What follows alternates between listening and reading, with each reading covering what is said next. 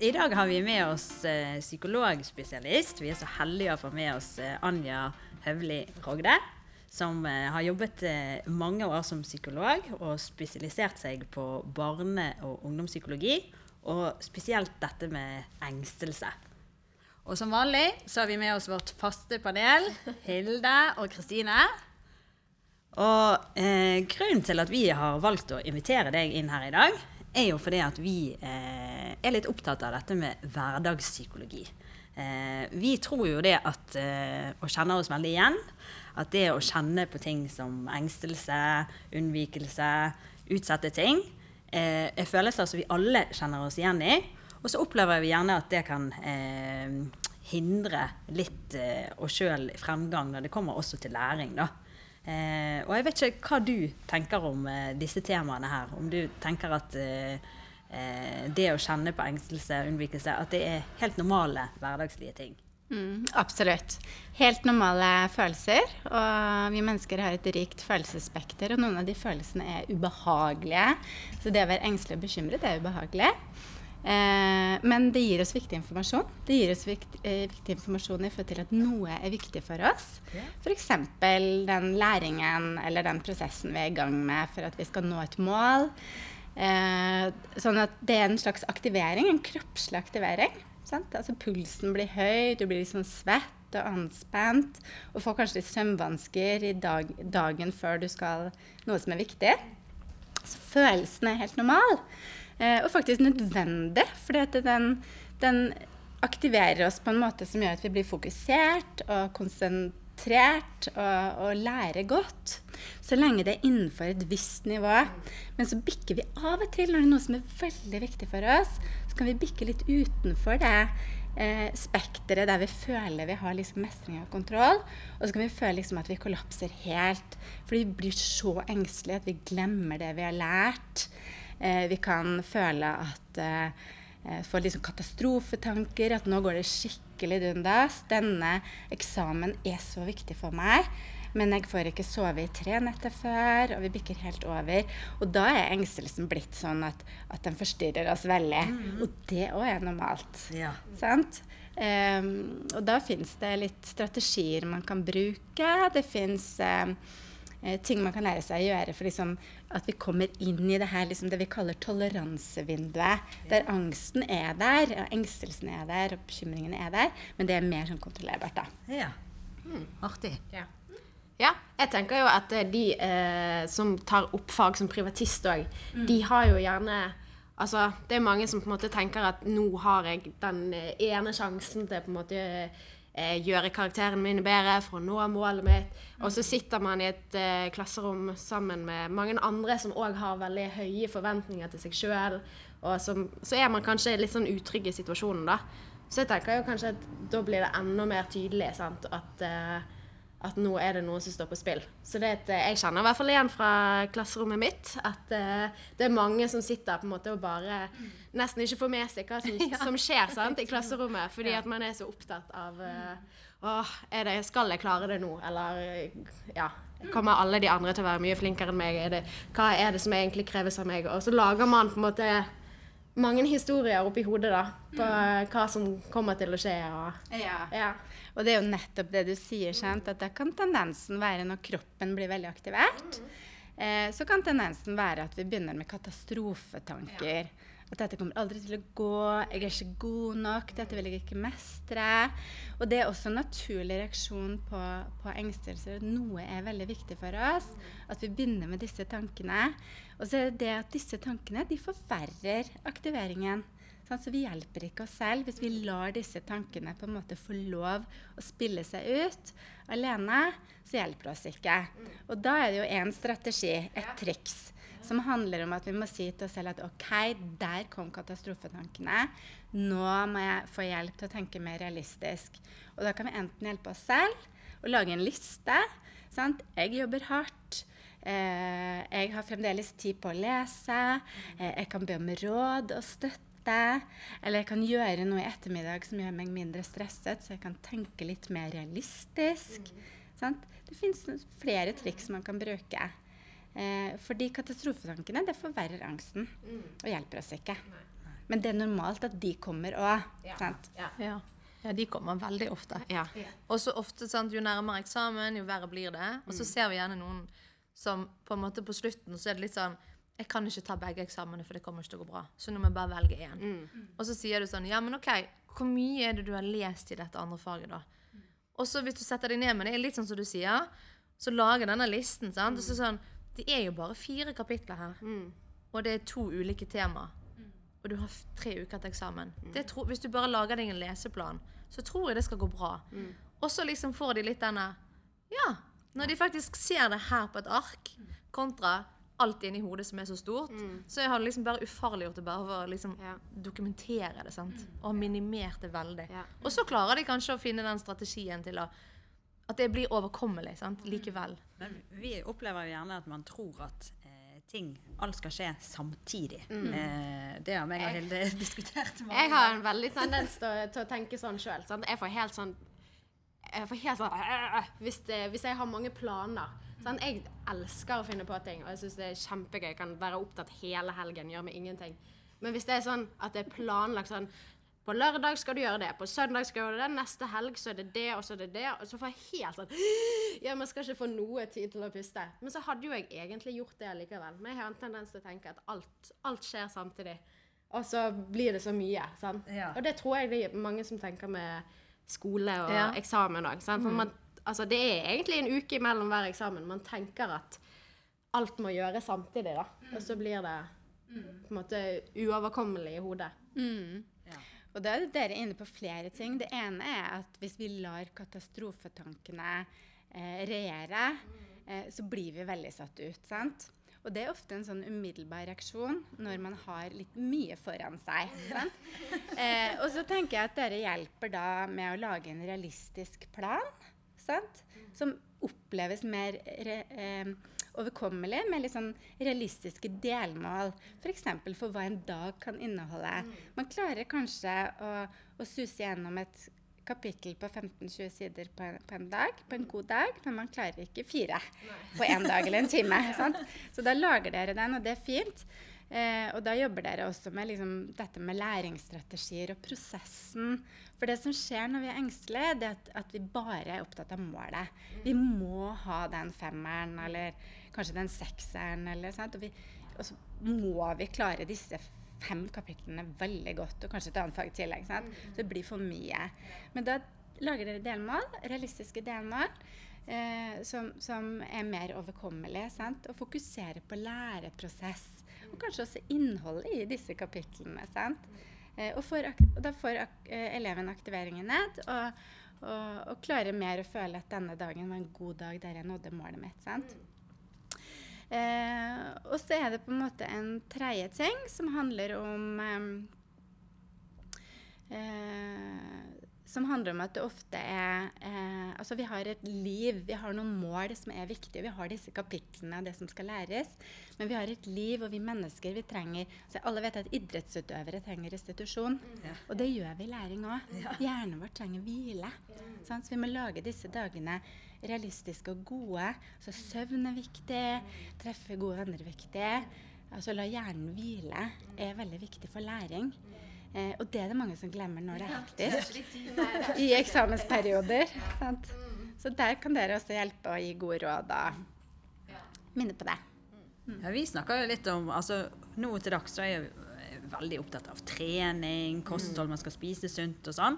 Men dette liksom med å, å jobbe mentalt eh, vet jeg ikke om vi er så flinke til. Å tenke liksom mental trening på lik linje som man tenker fysisk trening. Eh, for jeg tenker at alt dette som du sier, eh, er vel ikke ting man klarer å mestre uten at man har fokus på det. Man må jo kanskje liksom jobbe med dette med engstelse, jobbe med struktur, og kanskje må man få litt erfaring for at man skal bli god i det.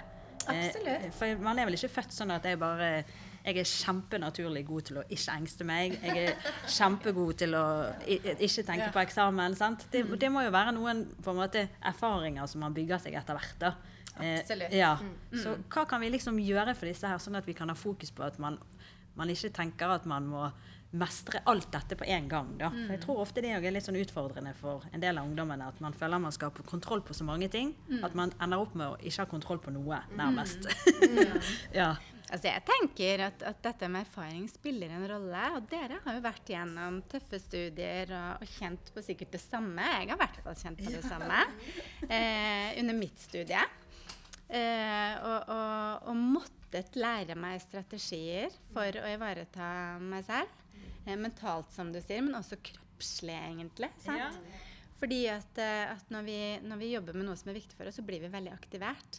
Å være aktivert lenge over tid, mm. det kan gjøre at vi lettere bikker ut av dette toleransevinduet. Og da kan det være at det, det jeg trenger, er at i morgen eh, så setter jeg meg en sånn maks Jeg skal jobbe maks fire timer eh, med dette faget i morgen.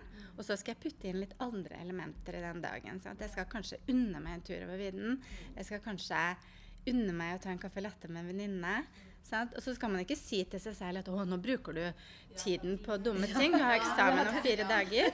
Eh, du skal tenke at eh, de fire timene blir optimalisert fordi at du klarer å restituere og hvile. Og så kan man jo søke råd hos, hos noen som har vært gjennom det samme, f.eks. dere. Ja, det var lurt. Ja, Det husker jeg var veldig kjeft av min mor da jeg var studerte. For hver sånn søndag om jeg kunne komme hjem og spise middag. Nei, det hadde ikke jeg tid til. Jeg måtte jo lese. Mm. Det trodde jeg, også, men jeg gjorde jo ingenting. Men jeg hadde bare bøkene liksom sånn synlig. Ja. Så da følte jeg at jeg liksom Du leste jo hele tiden, jeg. Post-it-lapper overalt. Så det er jo sånn Noen av de flinke som på en måte har skjønt det, som jeg aldri skjønte sjøl. Jeg var aldri på lesesal. Sånn Ti år på universitetet og bare leste hjemme. De visste ikke hvem jeg var når jeg skulle levere masteroppgaven, for de hadde aldri sett meg. Men eh, det var noe av det dummeste jeg har gjort. For da var jeg konstant i et sånt lærings... Eh, jeg bodde i bøkene mine. Så jeg hadde Post-It-lapp og lommelykt på nattbordet med en kulepenn. sånn at jeg kom på ting om natten. Så hadde jeg bøker i hele leiligheten. Så jeg hadde ikke noe sånn fristed. Så det tenker jeg òg med sånn restitusjon. Lese på skolen. Og så når du går derfra, så har du god samvittighet kan du gå hjem, og så kan du få lov å måte, ta den kaffen, se den Netflix-serien med god mm. samvittighet. For da vet du at måte, du har lagt inn all innsatsen den dagen. Og så ta helt fri. Mm. For jeg følte at alltid det var noe. Mm. Det var slitsomt. Absolutt, og det har jeg veldig forståelse for. Jeg tror det er mange som går i den fallgruven. Jeg kjenner meg igjen. Det dummeste jeg har gjort. Skjønte ikke det før etterpå. Nei. Og så er det sånn at hjernen fungerer også sånn at um, etter 45 minutter intens lesing, så er vi litt mette, så vi må ta disse små pausene. Det er viktig. Og da må vi ta skikkelig pause. Ikke løpe til en, en vi bor med og si at du, du, det, det, har du lest det, eller sånt. Da må vi tenke at nå er det pause. Nå må vi gjøre noe helt annet. sant? Noe helt ubetydelig. Men hvordan klarer du liksom da å koble ut? For ikke det er litt av utfordringen òg? At du tenker Jeg ser mange har, sitter med sånn eh, klokke nå, da, fordi at de skal liksom ta fem minutters pause. Mm. Men jeg ser jo at de har jo ikke fem minutters pause. De er jo liksom helt aktivert. Mm, ja. mm. Og på en måte i de fem minuttene så blir de kanskje enda mer stresset fordi at de har fokus på at de har pause. Men de klarer ikke å ha pause. Og så bare jager de seg sjøl mer opp enn en vanlig. Ja. Jeg, jeg, tror at det å vite hvordan uh, hjernen vår fungerer i ja. forhold til læring mm. uh, Og vi vet, uh, det forskning sier også, at 45 minutter er optimalt. Og så går læringseffekten ned. Så det å ta 15 minutter pause etter 45 minutter er veldig hensiktsmessig ja. i forhold til læring. Mm. Da er vi mer påkoblet når vi kobler oss på igjen. Så summen av det hele er bedre læring. Ja.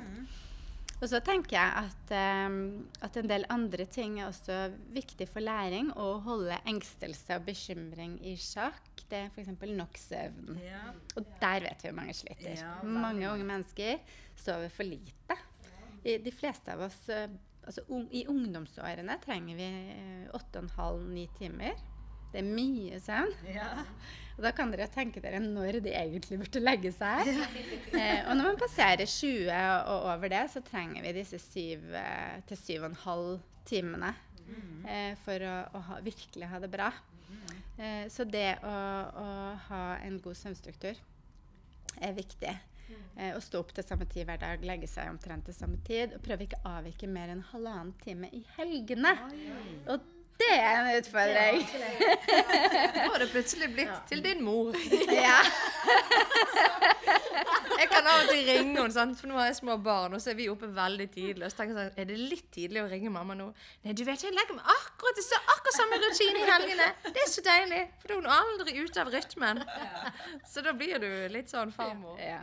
Jeg sier ikke at du aldri skal skeie ut, men jeg sier at hvis du skeier ut f.eks. hver helg, fredag og lørdag, og er oppe til fem om morgenen og har det kjempegøy på nachspiel, eh, så, så sliter du med å koble deg på når du skal lese på mandag. Sånn er det bare. Mandag morgen klokken åtte. sant? Sånn at, sånn at det er ikke det, men man skal ha det gøy. Man skal ut og ha det gøy. Man skal skeie litt ut og drite litt i alt av og til. Ja. Det trenger vi. Sant? Men akkurat eh, når det er opptrapping til eksamen og noe som er viktig, og vi vet at vi lett går over i sånn bekymring og, og dårlig søvn og sånn, så er dette spesielt viktig. Ja, og da det er rutinene, sant? Ja. At du har en sånn fast Ja. Men da tenker jeg at uh, disse katastrofetankene er jo litt sånn at de gjerne kommer om natten òg. Ja. Eh, og kanskje blir de enda større om natten òg. Eh, Reff deg med den blokken at du kommer på ting, og så må du notere det ned. Og så, ja. Og hva kan man gjøre med det? For jeg, jeg opplever jo at veldig mange sier at de får ikke sove pga. at de ligger og grubler på alt de egentlig burde gjort. Eller kanskje har ikke de rukket alt, for de hadde en urealistisk plan Ja. for hva de skulle få Og så ligger man med den dårlige samvittigheten, og så blir man kanskje aktivert, og så Oi, da var klokken blitt to eller tre, og så har ikke man sovnet. sant? Ja. Veldig riktig. Så det fins noen gode søvnråd. Ja. Og de søvnrådene, bortsett fra, fra dette med noenlunde lik stå-opp-tid og leggetid, så er det at, at eh, soverommet skal bare brukes til to ting. Det er søvn og så en annen ting som begynner på S. og, og det f.eks. å ha boken i samme rom, det er ikke bra. Nei. Så, så det å ha et godt utlufta soverom som gjerne assosierer med søvn, er en god ting. En annen ting som er bra, er å, eh, å prøve å koble av tankene. Koble over på kroppen, på pusten. Den puster dypt inn med nesa. Dypt ned i magen. Og så litt sånn ut med sugerør. For da får he alle kroppsdelene oksygen og blir tung og rolig. Og så er det å fokusere kanskje på tærne sine litt, på leggene litt. Kjenne hvordan det kjennes mot underlaget. Prøve å koble av tankene og på kroppen. Sant? Det finnes mange ulike øvelser for det. Eh, hvis ikke ta tankene slipper taket, så kan man forsøke, man kan forsøke telling. Telle sauer. Eh, Eller man kan forsøke å se for seg en deilig badestrand. Et sted som du assosierer med litt sånn ro, fred. Ingen prestasjonsforventninger. Bare kroppslig ro og, og balanse.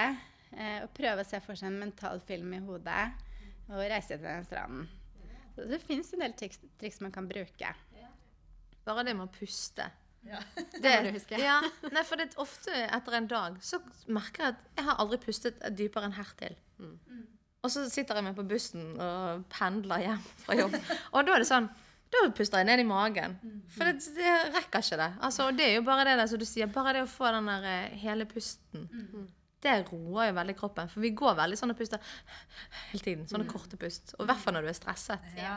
Og det er også viktig i selve eksamensperioden, eller når du leser et kapittel du syns er spesielt vanskelig, sant? å trekke pusten. Sant? Kanskje strekke litt Ja. på armene, kanskje bevege seg litt. Kjenne på en måte at du, at du slapper litt av. Sant? Hvis du er utenfor dette vinduet, Ja. så, så kan det hjelpe deg inn igjen. Pust er psykologisk førstehjelp. Ja. For, for utenfor det vinduet, da er vi i katastrofemodus. Og da er vi litt på den som jeg har ofte kjent på, at da bare gjør vi litt sånn, og så håper at noen bare tar det vekk. Ja. Mm. For det blir så mye at du tenker at jeg kan ikke ta stilling til noe. Jeg må bare Kanskje noen bare betaler noen for å fikse det. Det tenker jeg. Ja. Hva skal vi gjøre da? Altså det, det er jo en del av katastrofemoduset. Ja. Det er jo at vi eh, altså, kat Katastrofetanker er jo ofte at vi undervurderer vår egen mestringsevne. Sant? Eh, så snakket vi litt om dette med å lære seg strategier og Ja. øve seg. Sant? Da kan man jo øve seg. Først eh, altså når man går i den modusen der, alt det føles bare overveldende. At man sier til seg selv at OK, nå er jeg utenfor vinduet. Jeg f da må man alltid først gjøre noe med kroppen sin. Først kroppen, så tankene. Så pust. Sant? Det som flyvertinnene sier. Ta på din egen pustemaske. Det gjør du først. Sant? Så er du litt til stede i kroppen din. Sant? Og gjerne flere dype pust. Og så etter hvert så begynner du å koble på. OK, nå kom det katastrofetanker, nå må jeg være litt grei med meg sjøl. Og kanskje ta meg en liten mentalpause, reise til badestranden, sant? gå en liten runde, snakke med dere. ja, For hvis man ikke klarer det selv, så hjelper det å snakke med en god venn eller en, en rådgiver som kan hjelpe oss å finne strategiene. Og disse strategiene må man øve på. Man kan vite om det, at det er lurt, eh, men man vil ikke klare det helt i starten, så man må øve litt. Ja, for det er jo det som er det, det sørgeligste som vi ser her som lærere og rådgivere og som er på skolen, at når de katastrofetankene kommer for fullt, så møter ikke de opp på skolen lenger. Sant? Og da er det sånn, da må du få tak i de. Men så er det ikke nødvendigvis alltid du får tak i de. Sant? For da er jo da vi må liksom rykke ut med sånn førstehjelp og bare minimere eh, disse her tankene. Sant? Ja. Ja. Og det støtter jeg veldig. At hvis du får det sånn, eller du kjenner at det begynner å, å bli oftere og oftere sånn, og mer og mer intens kanskje, så be om hjelp. Fordi at du kan få veldig god hjelp bare av en sånn én samtale, noen som minner deg på. Og det er veldig viktig å komme på skolen. Hvis du begynner å kjenne aversjon mot å være på skolen, for du assosierer det med disse dårlige følelsene, eh, så, så er nummer én gå på skolen, ta en god prat med en rådgiver. Eh, møt medelevene dine. Og så tar du en litt sånn slow dag den første dagen. Og så, så legger du en plan. Gjerne sammen med dere. Eller en medelev, eller eh, For det kjerneproblemet med mye engstelse og bekymring, det er at vi kan komme til et punkt der vi ikke orker mer. Vi vil vekk fra det. Vi vil unngå det ubehagelige. Og så gir vi opp. Sant? Og da må vi huske at det òg kan være en normal tanke. Men da har vi blitt litt overveldet. Sant? Så da må vi legge en ny plan. Mm. Eh, og så er det det at planen noen ganger må endres. Sant? At det kan være at den planen vi hadde, det kan være våre mestringsstrategier som ikke har eh, kommet til nytte, eller vi ikke har fått brukt på en god nok måte. Men det kan òg være at selve planen eh, noen ganger ikke er helt riktig. For sånn er det for oss mennesker. Vi kan lage en plan, ha et, at, ha et mål, og så må vi justere med erfaring. Og der er det viktig at vi får en realistisk justering sammen med rådgivere. For når vi er i katastrofemodus, så kan vi få urealistiske forventninger til oss selv. Men vi kan òg ha reelt urealistiske forventninger til oss selv. Noen ganger har vi det. Sant? Da kan vi justere. Ja, Vi opplever jo ofte at tid òg er et aspekt oppi dette. sant? Mm. for man vil helst eh, lage en plan hvor man får skvist mest mulig aktivitet inn på kortest mulig tid. Eh, og mine sånne varsellamper som rådgiver er jo hvis folk kommer inn og så sier sånn Ja, så nå skal jeg bare kjøre på, jeg skal ta syv fag dette halvåret, ingen problem, null stress, jobber 100 på på Delhi, i tillegg så spiller jeg fotball, og, og så jeg bare tenker oh, sant. Eh, her eh, potensielt eh, går vi på en solid smell. Og jeg kjenner meg sjøl litt igjen òg, for jeg er jo sånn som har lyst til å liksom komprimere mest mulig ting inn i ett og samme tidsskjema. Og noen ganger går det, og andre ganger går det overhodet ikke. Eh, og da tenker jeg liksom det der å hvis du begynner på en måte altfor hardt, og du har urealistiske forventninger, så er det så lett for at du ender opp med å skuffe deg sjøl. Mm. Istedenfor at man kan sette en plan som liksom er eh, gjennomførbar, og du kjenner at liksom åh, dette gikk jo bra. Kanskje klarer jeg litt mer neste semester. Så hvorfor, gjør vi, hvorfor vil vi oss sjøl så vondt? At vi skal liksom skvise så mye inn på kortest mulig tid. Hva er greien med det? Ja. Jeg tenker i hvert fall at Noen ganger er det kanskje at man må lytte til noen med mer erfaring. Ja. Eh, og dere har hatt så mange elever at dere vet hva som er realistisk på et semester eller et år. Og det vet kanskje ikke elevene, for de har ikke gjort det før. Sant? Og så er det jo litt sånn der at man, man er privatist, man skal oppnå et mål så fort som mulig. sant? Eh, men det er viktig å leve samtidig, og det er viktig å legge en realistisk plan. Eh, og så vet vi, når vi, vi, vi som har blitt litt eldre etter hvert, så vet vi at, at, at det semesteret ekstra man bruker altså I det store og det hele så betyr det ingenting. Altså, det er faktisk viktigere å ha et godt liv samtidig som man lærer. Og man lærer bedre når man har et godt liv samtidig. Det var veldig bra Ja, sagt. vise ord. Vise ord. var Ja. Ja. Ja. Det tror vi alle kan eh, tenke på det, innimellom. jeg, jeg kjenner meg så igjen når vi sitter på rådgivning. For jeg, altså, jeg følte at jeg Alle de tingene vi snakker om, alle disse strategiene altså, Man vet jo gjerne hva man skal gjøre, men man får det ikke til. sant? Eller man har ikke tid å bruke tid på mental trening, for du skal lese den boken istedenfor. Sant? Så, ja, men det er jo litt sånn. Ja? Bare det å ligge og puste er jo waste. For du må egentlig lese et kapittel. Sant? Og det, det er liksom sånn Det skjønner man. Erfaringen er viktig. Så liksom det, men at bare noen skal si det til deg, det er ikke alltid det. Altså, man må ofte lære av sine egne feil. Helt sant. Og det, det er jo når man får katastrofetanker, og hvis ting virkelig har skåret seg Ja. Man føler at virkelig nå gikk hele planen min dundas. Ja. Og det er ingen vei, liksom No way at jeg vil liksom komme på sporet igjen. Så kan man tenke at, at sånn som han Tiger Woods sier, sant, som er verdens beste golfspiller, at den har lært mest av nederlagene sine. Når, når ting har gått skikkelig dundas. Så, så reiser du deg opp, og så tenker du at ok, nå må jeg sortere litt og, og lage en ny plan. Jeg må få støtte, noen nye strategier. Så lærer man enormt mye av det. Eh, og, så, og sånn er jo livet. Ja. Ja, ja. Ja, men det er sant. ja. Det har jo vi flere eksempler på. Og elever som har på en måte gått helt i kjelleren og reist deg, og så er de en mye sterkere, bedre utgave av seg sjøl og liksom virkelig har funnet uh, veien, og nå er liksom så nærmt. Fordi at de faktisk har vært liksom i denne dypets dal. sant? Så det er jo veldig fint å se da, at man, eh, hvis man klarer å liksom lære av det, så er det jo ingenting. Så bedre enn det egentlig, da. Faktisk. Ja, for det er jo noe med den der, jeg tenker livet, selv om sosiale medier tilsier at alle har det perfekt, og alle reiser og bare lever livets glade dager, så er jo det ikke sånn at livet liksom er sånn hele tiden for noen. Nei. Selv ikke de klassetrinnene på sosiale medier. Det er sant. Helt sant. Så, så liksom, eh, ja eh, Hvorfor må vi styre etter liksom det perfekte? Hvorfor kan ikke vi bare være mennesker på en måte som, er- hvor livet er liksom opp og ned? Er det, hvorfor er det sånn? Er det, hvorfor måler vi oss selv ut ifra det vi oppnår, eller ut ifra hvem vi er? Altså, hva tenker du om det? Altså, jeg tenker at, at akkurat det har blitt verre med altså, sosiale medier, og at man deler ofte glansbilder av seg selv og, og livet. Sant? Em, jeg tenker jo at jeg tror det skjer noe med alder der også. At man, man etter hvert setter mer pris på realisme og ærlighet. Og, eh, sant? At man skjønner at det ikke er sånn. Um, så jeg tenker at, at eh, Og det er jo det med sosiale medier er et viktig poeng. At man kanskje skal skjerme seg litt og liksom lage sin indre egen referanseramme. Sant? Altså hva er viktig for meg? Hvilke verdier er viktig for meg? Eh, hva er viktig for meg når jeg skal oppnå dette målet? Og dette med realisme versus eh, å, strebe etter noe som ikke er realistisk. Sant? Det kan handle om utseende, det kan handle om resultatoppnåelse. Eh, hvordan leiligheten skal se ut, eller rommet ditt skal se ut. Sant?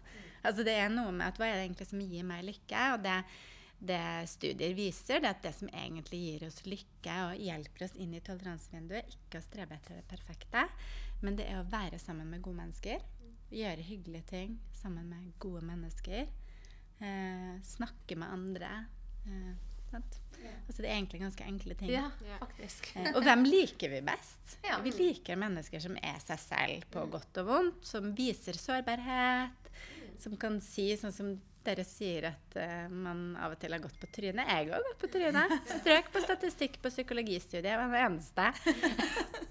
Følte meg som en idiot. Så etterpå så tenkte jeg vet du hva, jeg driter i statistikk. Jeg likte det ikke, og jeg leste det ikke. Og, og jeg ble psykolog likevel, da.